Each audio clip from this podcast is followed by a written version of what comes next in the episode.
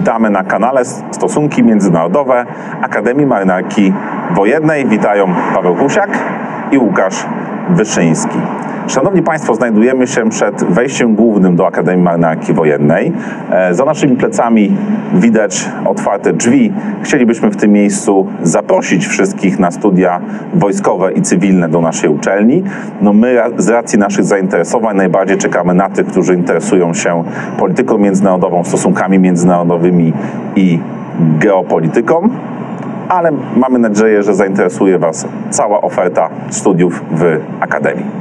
Przechodząc zaś do takiej merytorycznej części naszej rozmowy, no bezpośredniej przyczyny nagrania tego materiału, to jest ona taka, y, jest nią e, tekst, y, który ukazał się na łamach e, Foreign e, Policy autorstwa Michaela Hirscha pod tytułem We are now in a global cold war, czyli jesteśmy w trakcie globalnej e, zimnej wojny. E, Wydaje się to problem ważny, e, temat, który pojawia się w różnych kontekstach i korzystając z lektury tego tekstu, link do niego znajdzie się w opisie do tego filmu, my również postanowiliśmy się nad tą kwestią zastanowić, no i do tej dyskusji zaprosić również Państwa. No i Łukaszu, ja Ci zadam pierwsze pytanie. Czy tak jak autor, który no, robi taką paralelę do, do słynnych słów Winstona Churchilla z Fulton, e, czy uważasz, że rzeczywiście no, na naszych oczach, w czasie, w którym żyjemy, e, nowa żelazna kurtyna, jak to tam jest e, tak ładnie, barwnie opisane, od Mariupola e, do Tajpej i gdzieś jeszcze e, między wyspami Salomona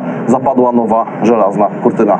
Znaczy, wydaje mi się, nie wiem jakie będą ostatecznie Twoje y, wnioski po, po tym artykule, że tak naprawdę to jest chyba jedyne porównanie, które można odnieść do tej historycznej zimnej, zimnej wojny.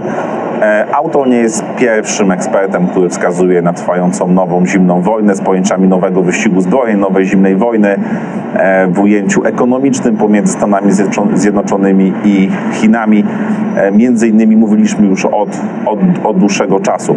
To, co z mojej perspektywy ten artykuł wnosi jako swego rodzaju nowum, to jest zwrócenie uwagi na kształt tej nowej zimnej wojny i na pewne aspekty strukturalne, które w kontekście dzisiejszego kształtu systemu międzynarodowego, kształtu globalizacji, powiązań, powiązań gospodarczych, byśmy powiedzieli, takiego rozproszenia dostępu do różnego rodzaju złóż, y, dóbr, usług, powodują, że ta nowa zimna wojna będzie miała, czy też ma w tej chwili, zupełnie nowy wymiar. Więc rozumiem w pełni intencję autora, żeby pokazać, że mieliśmy taki moment, kiedy Winston Churchill mówił, e, że mamy do czynienia z nową zimną wojną.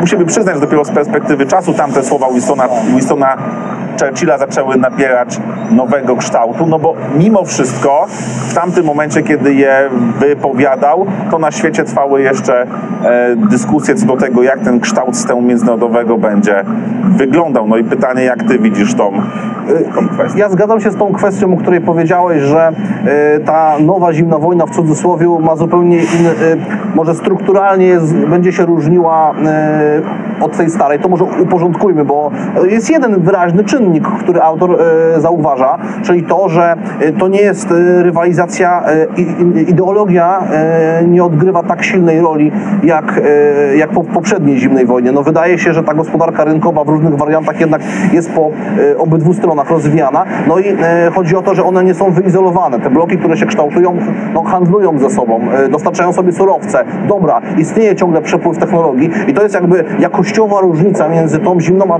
tą zimną, nową zimną wojną, a starą. Ale ja się zastanawiam, czy w ogóle jest sens tak mówić. No bo na potrzebę literacką, na potrzebę publicystyczną e, o- odwołujemy się do takiej e, metafory, która jest znana, wywołuje pewną sieć skojarzeń, to, jest oczywiście racjonalne. Ale pytanie, czy no, to, co się dzieje na naszych oczach, ja myślę tutaj o, y, myślę o y, inwazji rosyjskiej na Ukrainę, myślę o szczycie NATO, który się dzieje tak y, y, teraz, myślę o y, tym, co się dzieje na, y, na Azji Południowo-Wschodniej.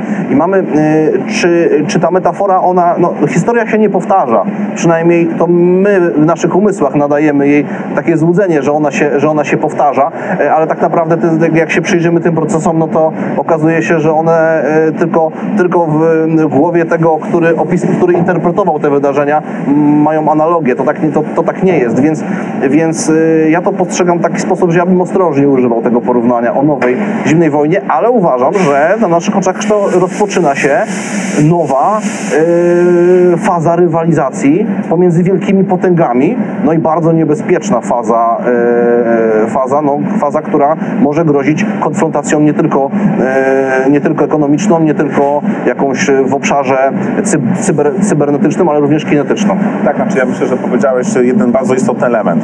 To znaczy, że gdybyśmy chcieli semantycznie starać się odnieść do nowej zimnej wojny, no to poprzednia zimna wojna była zimna dlatego, że nie doszło do globalnej wojskowej Właśnie. Konfrontacji dwóch zasadniczych uczestników systemu bipolarnego, czyli Stanów Zjednoczonych i Związku Radzieckiego, co jak wszyscy wiemy groziłoby globalną wojną atomową. I na tej podstawie uważano, że wojna jest zimna, pomimo tego, że liczne konflikty zastępcze miały miejsce, że ta, ta rywalizacja była wieloobszarowa. No i dzisiaj rzeczywiście ze względu na te powiązania i trwającą wojnę na Ukrainie, znowu, jeżeli przyjmiemy, że po dwóch stronach barykady mamy Stany Zjednoczone, i sojuszników USA, państwa, które będą miały pewną wspólnotę interesów, wspólnotę wartości z Waszyngtonem, a z drugiej strony będziemy mieli, no i tu jest właśnie świetne pytanie, tak jesteśmy po kolejnym szczycie państw BRICS, E, e, I jakby no, jesteśmy w stanie na pewno wskazać, że liderem ty, w, tym, w tym bloku państw, które no, chciałyby zakwestionować obecny, czy też ten dalej proponowany przez Amerykanów porządek są Chiny, no to co? Znaczy, że zimna wojna będzie zimna do czasu, kiedy rozumiem e, Stany. Zjednoczone i Chiny nie będą prowadziły globalnej konfrontacji militarnej, a co jeżeli na przykład dojdzie do e, sytuacji, znaczy no byśmy trochę prze, przenieśli scenariusz z Ukrainą, przecież no, jest wojna między Rosją a Ukrainą, ale mamy świadomość, że z wojskowego punktu widzenia Ukraina otrzymuje wsparcie od świata zachodu. No gdyby, mam nadzieję, że do tego nie dojdzie, ale doszło do jakiejś eskalacji, na przykład w Cieśninie, w Cieśninie tajwańskiej, no i wojska amerykańskie byłyby zaangażowane. Może nadal nie byłoby to zaangażowanie mówiące o perspektywie globalnej wojny nuklearnej, ale jakiegoś ograniczonego konfliktu, koncepcji bitwy powietrzno-morskiej, może by, y, walk obronnych o Tajwan, albo nawet wykorzystywania sił zbrojnych, które są w obszarze Azji Pacyfiku, w tym, Ameryka- w tym sojuszników USA, do tego, żeby wywierać na przykład naciski na Chiny y, w innych częściach Mo- Morza Południowochińskiego, czy bardziej w kierunku północnym. I pytanie, czy to też nadal będzie Właśnie. zimna wojna, czy, czy, czy jednak nie? I, I ten e, pośrednio to, o czym mówisz, jest taki fragment w tym tekście Hirscha, gdzie on mm, no, wyjaśnia ten aspekt ideologiczny. No i on mówi, że, ba, mówi, że Biden w jakimś sensie próbował to, to przedstawić jako konfrontację wolnego świata z różnego typu niewo, e, dyktaturami czy systemami niedemokratycznymi. To było w przemówieniu warszawskim, prawda, na, na, na Zamku Królewskim w Warszawie. No i to jest, no i autor tutaj konkluduje, ja się z tym zgadzam, że to jakby to się nie udało na taką skalę, jak w okresie, to nie jest tak czytelne, to nie jest tak jednoznaczne. Sami wiemy, że na Zachodzie jednak są różne siły i są siły, które może teraz one są rzeczywiście wycofane i głos e, dobiega mniej donośnie, ale siły, które nie są zorientowane na konfrontację, przynajmniej taką konfrontację, jakby chyba chcieli Amerykanie, długą, długą e, walkę pomiędzy, pomiędzy znów nie wiem, dobrem i złem, tylko, e, tylko jakoś poszukiwanie nowego modus vivendi pomiędzy e, wschodem a zachodem. E, no to jest to, co tutaj wchodzimy, wiem, na, na, na, na grząski grunt interpretacyjny, ale, e, ale jakby jak to postrzegasz? Jak, Czy, wiesz co, wydaje mi się, że paradoksalnie to nie jest tak, że mm, określone ośrodki siły na za, zachodzie, weźmy grupę państw G7, albo weźmy kluczowe państwa członkowskie Paktu Północnoatlantyckiego, albo państwa kluczowe Unii Europejskiej, one posiadają pewną wspólnotę interesów. One jakby są beneficjentami obecnego kształtu systemu międzynarodowego. One w jakimś części czerpią bogactwa z tym, że mają możliwość kontrolowania, wpływania na obszary morskie, na światowy handel, na system finansowy i tak dalej. No i są państwa, które to kwestionują w, w, w dużym uproszczeniu. Ja uważam, że ciężko będzie Amerykanom, czy w ogóle nam na Zachodzie, zbudować ten wspólny mianownik wartości, pod które będą właśnie to, co ty powiedziałeś, pozwoliły nam na długotrwały marsz, żeby przeciwstawić się, bo my na ten moment dopiero nazywamy, czemu my chcemy się przeciwstawić. Poprzedni szczyt NATO, ty, ty, ty, ty, ty wywołałeś, że w tej chwili jesteśmy, po, powiedzmy sobie, w tej oktawie tego, tego aktualnego szczytu w Madrycie. Po raz pierwszy podczas tamtego szczytu no, stwierdzono, że Chiny są wyzwaniem, zagrożeniem, w sensie O. z czymś, na co NATO się musi przygotować. To była pewna zmiana. Wydaje mi się, że E, to będzie tak naprawdę clue, żeby ponazywać konkretne państwa jako te, z którymi właśnie z jednej strony nie jesteśmy w stanie za, zaprzestać współpracy na wielu polach. Co więcej, dochodzą kwestie globalne, jak na przykład zmiany klimatu, ocieplenie, gdzie i tak będziemy musieli pewnie To autor zauważa, płaszczyźnie- prawda, że, że, że w, z Chinami, że jest obszar współpracy Oczywiście. wobec przemian klimatycznych. Znaczy, to, znaczy, znaczy, czy my, my nie potrafimy sobie dzisiaj wyobrazić, żeby Chiny wyizolować tak jak Związek Radziecki i żeby świat zachodu mógł funkcjonować w tym kształcie, w jakim jest. No i, i właśnie tak jak, e, tak jak e, w tej chwili rozmawiamy, musimy z jednej strony ponazywać te różnice w, nie wiem, wizji polityki międzynarodowej e, pomiędzy, no właśnie, nami, na razie mówmy umownie, światem zachodu, a Chinami, a Rosją, a z drugiej strony to, to chyba to, to, co ty powiedziałeś. I w tym bloku państw BRICS nie ma jednomyślności i raczej ciężko będzie ją osiągnąć długofalową na poziomie strategicznym, bo te państwa mają różne potencjały, potrafią, znaczy wnoszą coś innego do współpracy, tak jak na, na, na, za, na Zachodzie i to się uwidacznia na przykład w stosunku do wojny na Ukrainie, a pomimo tego najprawdopodobniej szczyt, y, bo rozmowę nagrywamy jakby przed jego y, tym ostatecznym, ostatecznym komunikatem zaakceptuje kandydaturę Finlandii i Szwecji.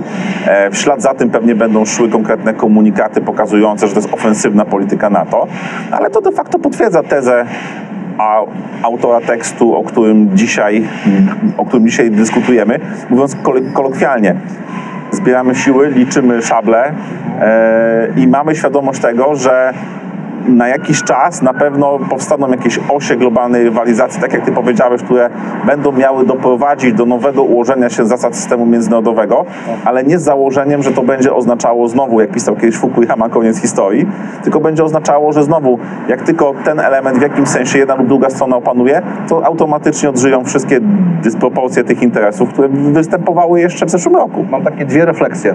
Po pierwsze, że jesteśmy w momencie, w którym, tak jak zauważyłeś, nazywamy pewne rzeczy, potem i liczymy się, ale nazywamy, i to jest bardzo ważne, bo y, jeżeli sięgniemy do filozofii politycznej, no to Ka- Karl Schmitt mówił, że ta polityczność pojawia się wtedy, kiedy zdefiniujemy wroga. Ty tego nie powiedziałeś, ale umówmy się, że w praktyce ten proces ma miejsce. Ten proces zdefiniowania wroga, bo wcześniej był ten moment, że to tak nie wyglądało. Był, był porządek y, amerykański, liberal order, czy Pax Americana, nazwijmy to jak chcemy, ale w ramach tego porządku tak, to, nie, to nie było tak do, jasno, jednoznacznie. No, y, Rosja nie była nazywana wrogiem, Chiny też nie były nazywane wrogiem, były Rady NATO, Rosja, przestrzenie współpracy. Y, Teraz wydaje się, że zmierzamy, ja nie wiem, czy tak się stanie, ale wydaje y, się, że zmierzamy w kierunku takiego bardziej radykalnego dookreślenia e, no, przeciwników czy wyzwań, bo to może, może nie będzie nazwane, nazwanie wrogiem, ale wyzwań i to, to, to będzie przełom, bo wiesz, bo to, to zamknie pewne, pewne możliwości, pewne obszary współpracy. No to już będzie zawsze można nawet na płaszczyźnie propagandowej mówić, no, że to jest e, przeciwnik, tak? To nie, tutaj tu nie możesz e, współpracować e, z nim w, ten, w tym obszarze na przykład. No właśnie. Bo to, bo to będzie, bo to będzie, e, tak jak zauważyliśmy wcześniej, nie w każdym obszarze. To będzie, to będzie trudne. No, w, w obszarze wysokich technologii, które mają podwójne zastosowanie, czyli cywilne i wojskowe, nie. No ale w przypadku walki z globalnym ociepleniem już będziesz mógł. Tutaj oczywiście wymyślę. To jest pierwsze moje przemyślenie. A drugie, e, a drugie ono, ono dotyczy, ono dotyczy tak, na, tak naprawdę tego, tego takiego, tej kwestii natowskiej, o której ty, o której ty, e, ty powiedziałeś. Myślę o, o przystąpieniu e, Finlandii i Szwecji, możliwym przystąpieniu e, do NATO. I, ro, I teraz do Rosji przejdę, bo e, zobacz, e, e, kiedy wielu, wielu, komenta, wielu komentatorów, e, też rosyjskich, mówiło, że ta inwazja na Ukrainę to jest w praktyce wywrócenie porządku międzynarodowego, który istnieje. No i trzeba przyznać, że to się stało w jakimś sensie. W tym nie, nie wiadomo, jak to się skończy dla, dla świata, dla Rosji. Może nie w taki sposób się to miało skończyć. No ale sami przyznajemy, że czeka nas na końcu no, pewne nowe zdefiniowanie świata. To jest jedno, to jest ważna konstatacja i chyba musimy zacząć o tym, o tym myśleć, dopuszczać to po prostu. E, nie wiem, czy nowa Jałta, nowy Poczdam, czy no, nie przypuszczam, że na takiej drodze, że to nie jest ten moment jeszcze, to, to, musi, to musi być wojna wielka, oby jej nigdy nie było. E, No i, e, no i tutaj e, drugie przemyślenie jest takie, że, że w jakimś sensie NATO, które, e, no to część tego, tego drugiego, które miało się, gdzie Rosja oczekiwała wycofania NATO bardziej na zachód, do tych terenów z końca zimnej wojny, no w praktyce, w praktyce doszło do rozszerzenia i amerykańska projekcja siły będzie dużo bliżej, będzie bezpośrednio przy rosyjskich granicach na północy. To jest, to jest rzecz, którą też musimy ch- chyba no, podjąć wysiłek zrozumienia tego, co się stanie. Jak ty, Znaczy ja, ja na bazie tego znowu dwa komentarze. Pierwsze, rzeczywiście takie komentarze pojawiały się przecież wśród yy, przedstawicieli niemieckiej administracji, kiedy pyta się ich, czy mamy powód do traktatu NATO-Rosja. Tam był chyba cytat, że ten traktat jest de facto martwy. Tak. Ja się z tobą zgadzam, że jeżeli y, wojna na Ukrainie nie zakończy się, a raczej taki scenariusz, poczek, takie scenariusze radykalnego rozwiązania w jedną, w drugą stronę musimy cały czas analizować, ale naj, najprawdopodobniej y, będzie jakieś rozwiązanie pośrednie, które spowoduje, że no, będzie trzeba na nowo ułożyć sobie relacje w tej części świata, no to ja się z tą zgadzam. Już nie będzie powrotu do tego, co było przed. Będzie trzeba je zbudować w jakiś, w jakiś, w jakiś sposób na nowo i przystąpienie Finlandii i Szwecji potencjalne do NATO jest elementem pokazującym, że obie strony będą. Tak, agresja Rosji na Ukrainę, a teraz przystąpienie Finlandii i Szwecji, to jest to, że obie strony licytują wysoko. Żadna nie robi na razie ustępstw. Na razie przed, tak, jesteśmy de facto przed fazą kulminacyjną, można powiedzieć, bo każdy na razie idzie, znaczy na razie nikt nie schodzi ze, Tak. ze swojego kursu.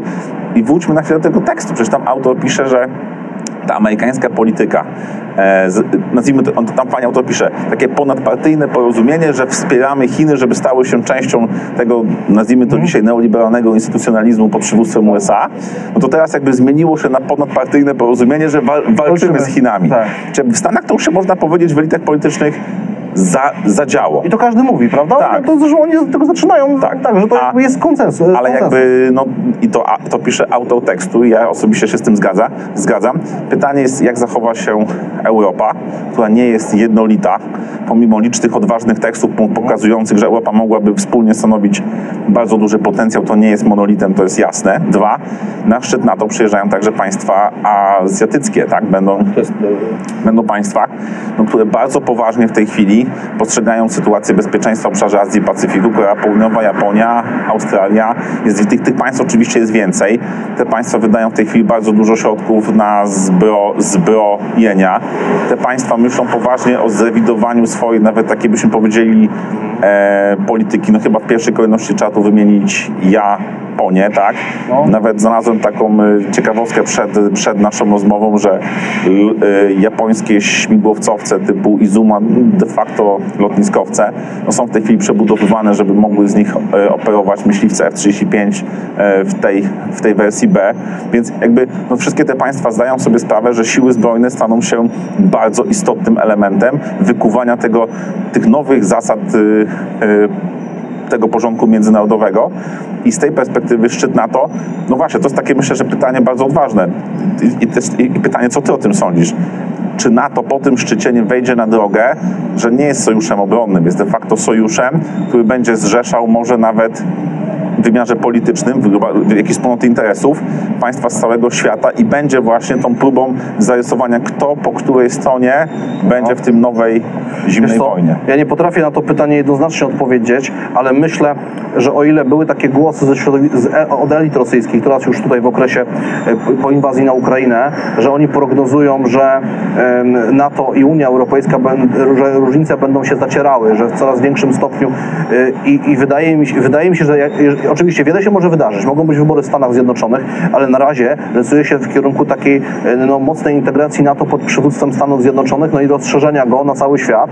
Ja nie wiem, czy można powiedzieć, że nie jest sojuszem obronnym, bo wiesz, to w propagandzie jest e, chińskiej, rosyjskiej bardzo mocno pokazywane, że i, a nie, no, niefortunna wypowiedź papieża Franciszka o szczekaniu NATO pod granicami Rosji, ono, to tutaj nie, to nie było ok, bo pamiętajmy o tym, że jednak e, do NATO państwa przystępują dobrowolnie i one raczej przystępowały do NATO, bo czuły się zagrożone w Europie przede wszystkim ze strony Rosji, a nie chciały uczestniczyć w jakimś e, rewindykacji, nie wiem, e, zmian terytorialnych na niekorzyść Rosji i nie, nie, nie tym podobne. To nigdy, e, nawet w Polsce przecież nigdy w taki sposób w debacie publicznej nie, nie, nie było takiej refleksji, że, że raczej na, NATO, ja myślę, że idea NATO pozostanie obronna.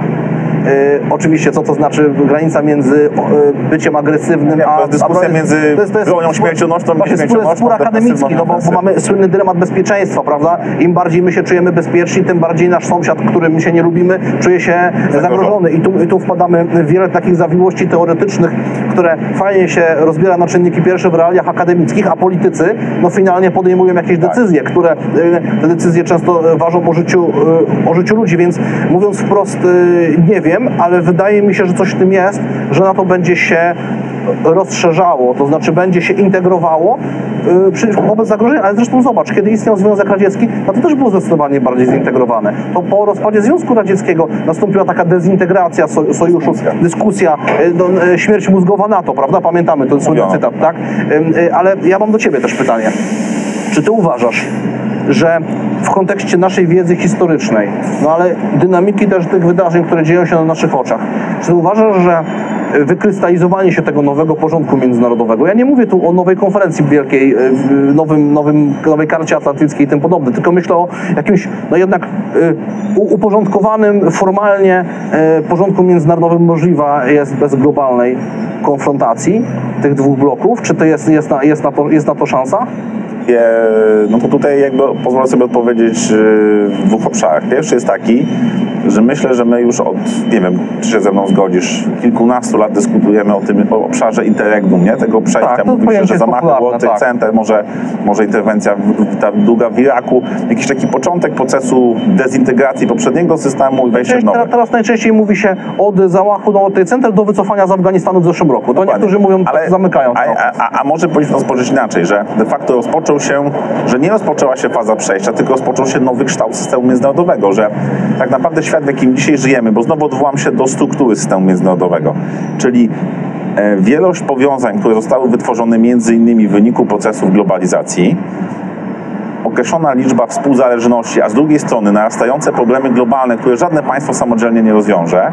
Po trzecie, e, jednak różnice interesów, y, które chyba one występowały oczywiście przed rokiem 90, ale dzisiaj są bardzo wyraziste i na, po jednej i po drugiej stronie barykady powodują, że nie wiem, może powinniśmy poważnie myśleć, że to, co dzisiaj obserwujemy, jest nowym porządkiem międzynarodowym i będzie trwało. To znaczy nie będzie, wszak to, co w tej chwili jest, tak naprawdę to już jest y, próba zarysowania tego nowego porządku, w którym będziemy cały czas się przepychać i może jest tak, że my nie możemy go włożyć w ramy definicyjne, które znamy, systemu wielobiegunowego, dwubiegunowego, jednobiegunowego. Może, może, może właśnie trochę się do tego, co powiedziałeś, to jest kwestia nazwania pewnych rzeczy. Może powinniśmy szukać nazwy dla tego systemu, który jest w tej chwili, wyodrębnić z niego pewne cechy szczególne. Badacze w Polsce i na świecie się de facto tym zajmują i, i starają się ten klucz, klucz znaleźć, więc to jest pierwszy element. Drugi, jeżeli by to miało przybierać, y, gdyby to pozostało w tym obszarze, w jakim to obserwujemy dzisiaj z różną intensywnością, to uważam, że wojna globalna nie jest prawdopodobna, no bo w tym systemie mamy nadal wielu beneficjentów e, i, odwołałbym się trochę do tego, jak zawsze i my, i inni dyskutujemy wokół Federacji Rosyjskiej. No, wojna atomowa pojawia się w momencie, kiedy z, z, z, zagrożone są, jest interes, znaczy kwestie egzystencjonalne państwa, integralność terytorialna, możliwość, e, no byśmy powiedzieli, takiego już oddziaływania na państwo, które posiada broń atomową, które może zagrozić jego y, istnieniu. Więc dopóki tego typu zagrożenia nie, nie, nie będą występowały, to wojna globalna jest raczej mało, mało, mało prawdopodobna. Ale wojny, w których państwa będą zachowywały kontrolę, będą wojnami ograniczonymi, nawet z dużą, dużą intensywnością, gdzie broń atomowa może się pojawić jako nazwijmy to, położenie na, na stół karty, ok, musimy już usiąść do rozmów, po pierwsze. Po drugie, potrafię sobie wyobrazić sytuację, że w takiej wojnie e, prowadzonej na przykład na, w przestrzeni morskiej, kiedy nie mówimy o obszarach zamieszkałych ludności cywilnej, no broń atomowa miałaby zastosowanie na przykład w wymiarze taktycznym wobec zgrupowania wojsk przeciwnika, tak, żeby mu u, u, uniemożliwić jakąś operację, która może mieć już nie wymiar tylko taktyczny, ale operacyjny i i strategiczny. Tych koncepcji pewnie jest wiele, ale jakby e, przechodząc do konkluzji, uważam, że e, na ten moment nie oczekiwałbym, że jesteśmy bliżsi wykrystal- wykrystal- wykrystalizowania się nowego kształtu, tylko może powinniśmy analizować, że to jest w tej chwili nowy kształt, który będzie trwał bardzo długo. W nim będzie dochodziło do bardzo wielu płaszczyzn rywalizacji, w tym niestety w wymiarze wojen kinetycznych, konfliktów zastępczych. Ukraina pokazała, że nie ma żadnych ograniczeń, żeby walczyły ze sobą dwa państwa, coś o czym myśmy chcieli już praktycznie Zapomnieć. za, zapomnieć. Zawsze będzie istotny punkt wejścia. Nie? No, gdyby coś było w cieśninie tajwańskiej, Chiny chciałyby siłą przyłączyć Tajwan, to czy Amerykanie wykonają swoje zobowiązania? No jak wykonają, to wracamy trochę do dyskusji, czy NATO nie powinno ustanowić no-fly zone nad, nad, nad, Ukrainą. E, I powiem tak, zapomnianej dyskusji tak, kilku miesięcy, tak, prawda? tak, tak, ale to my, my, myślę, że będą takie bardzo ważne decyzje, decyzje. Wejście Amerykanów do tej wojny podniesie próg ryzyka konfrontacji globalnej, w tym nuklearnej, na poziom dużo wyższy niż dzisiaj niż kiedykolwiek w historii tej wojny na Ukrainie dzisiaj był, więc, więc no, wydaje mi się, że to są pytania, które ja na ten moment nie potrafię w sposób jednoznaczny Tak. Mi się e, dzisiaj na usta ten taki wytarty frazes, który i używają politycy, ostatnio chyba, chyba Dmitrij Miedwiediew, ale wcześniej i, i chyba e, Paweł VI papież, no, że w wojnie nuklearnej nie ma, nie będzie zwycięzców. No, to jest, to jest taka, taka, taka pra, prawda i wydaje mi się, że politycy sobie z tego doskonale znają, zdają sprawę, e, ale, ale tak trochę zmierzając do podsumowania tego, tego o czym rozmawiamy, to, że termin nowa zimna wojna będzie używany, jestem pewny i musimy się z tym pogodzić. Ale rzecz, którą chciałbym y, złapać w, kadr i, i, i podkreślić, to jest to, co powiedziałeś, że musimy szukać nowych pojęć chyba na określenie tego porządku, bo powiedziałeś, że, fajnie, y, że, że chyba jeszcze nie wie, y, że o, może tak, sowa Minerwy wylatuje o zmierzchu, czyli możemy jakąś sprawę czasami zrozumieć dopiero kiedy o zmierzchu, kiedy ona się zakończyła. Wiesz, może za 20-30 lat rzeczywiście ktoś określi, że my już żyjemy w tym nowym porządku międzynarodowym. Jeżeli przyjmujemy to założenie typowe dla badaczy stosunków międzynarodowych, czyli system jest archaiczny, no nie ma jednego arbitra, są krótkie okresy tam dominacji, ale one są raczej, raczej, raczej krótkimi przerywnikami, w- kiedy, sy- po, po, po, kiedy system jest anarchiczny głównie, no to, to wiesz, mo, może rzeczywiście już jest system, który, który istnieje. My tych pewnych elementów nie dostrzegamy, nie, nie wkładamy to zadanie w ogóle do wszystkich badaczy, analityków, żeby próbować tą układankę rekonstruować po to, żeby przekazywać tą wiedzę elitom politycznym, społeczeństwu żebyśmy my mogli podejmować racjonalne decyzje, e, która, no bo podstawa prawda się nie zmienia, że zadaniem elit jest dążenie do tego, żeby przetrwało, przetrwało państwo i, i tworzyło warunki do, rozwo- do rozwoju społeczeństwu, narodowi, który w jego ramach żyje. I to jest, to jest podstawowa prawda, którą pewnie kierują się wszyscy mężowie stanu, zapomniane takie pojęcie archaiczne z innej epoki, e, na, na całym świecie. Słuchaj, no, dziękuję Ci za tą naszą rozmowę. Ja również. E, Słuchajcie, zapraszamy Was do komentowania. E, Link, tak jak powiedziałem na początku, do tego tekstu Michaela Hirscha jest w opisie. Czytajcie go sami. E, Napiszcie, co, co o nim sądzicie. Może pominęliśmy jakiś aspekt, który jest ważny. E, No i to jest kolejna taka rozmowa w ramach takiego formatu, gdzie ja z Łukaszem rozmawiam o, o jakimś problemie, który nam się wydaje istotny, ważny. Będziemy ten format powtarzali e, częściej, bo po prostu lubimy ze sobą czasami porozmawiać i wydaje się, że fajnie możemy to, e, to przełożyć na taki materiał popularyzatorski, który, który tutaj nagrywamy. Drodzy Państwo, dziękujemy, zapraszamy do subskrybowania, jeszcze raz do komentowania. No a tych, którzy e, szukają e, studiów, zdają maturę albo ukończyli studia pierwszego stopnia, e, zapraszamy na studia do Akademii Marynarki Wojennej, której drzwi za naszymi plecami są, stoją otworem. No i szczególnie my oczywiście zapraszamy studentów, stos, przyszłych studentów stosunków międzynarodowych w specjalnościach dyplomacja i geopolityka. Bardzo Wam dziękujemy za wysłuchanie. Do widzenia. Do widzenia.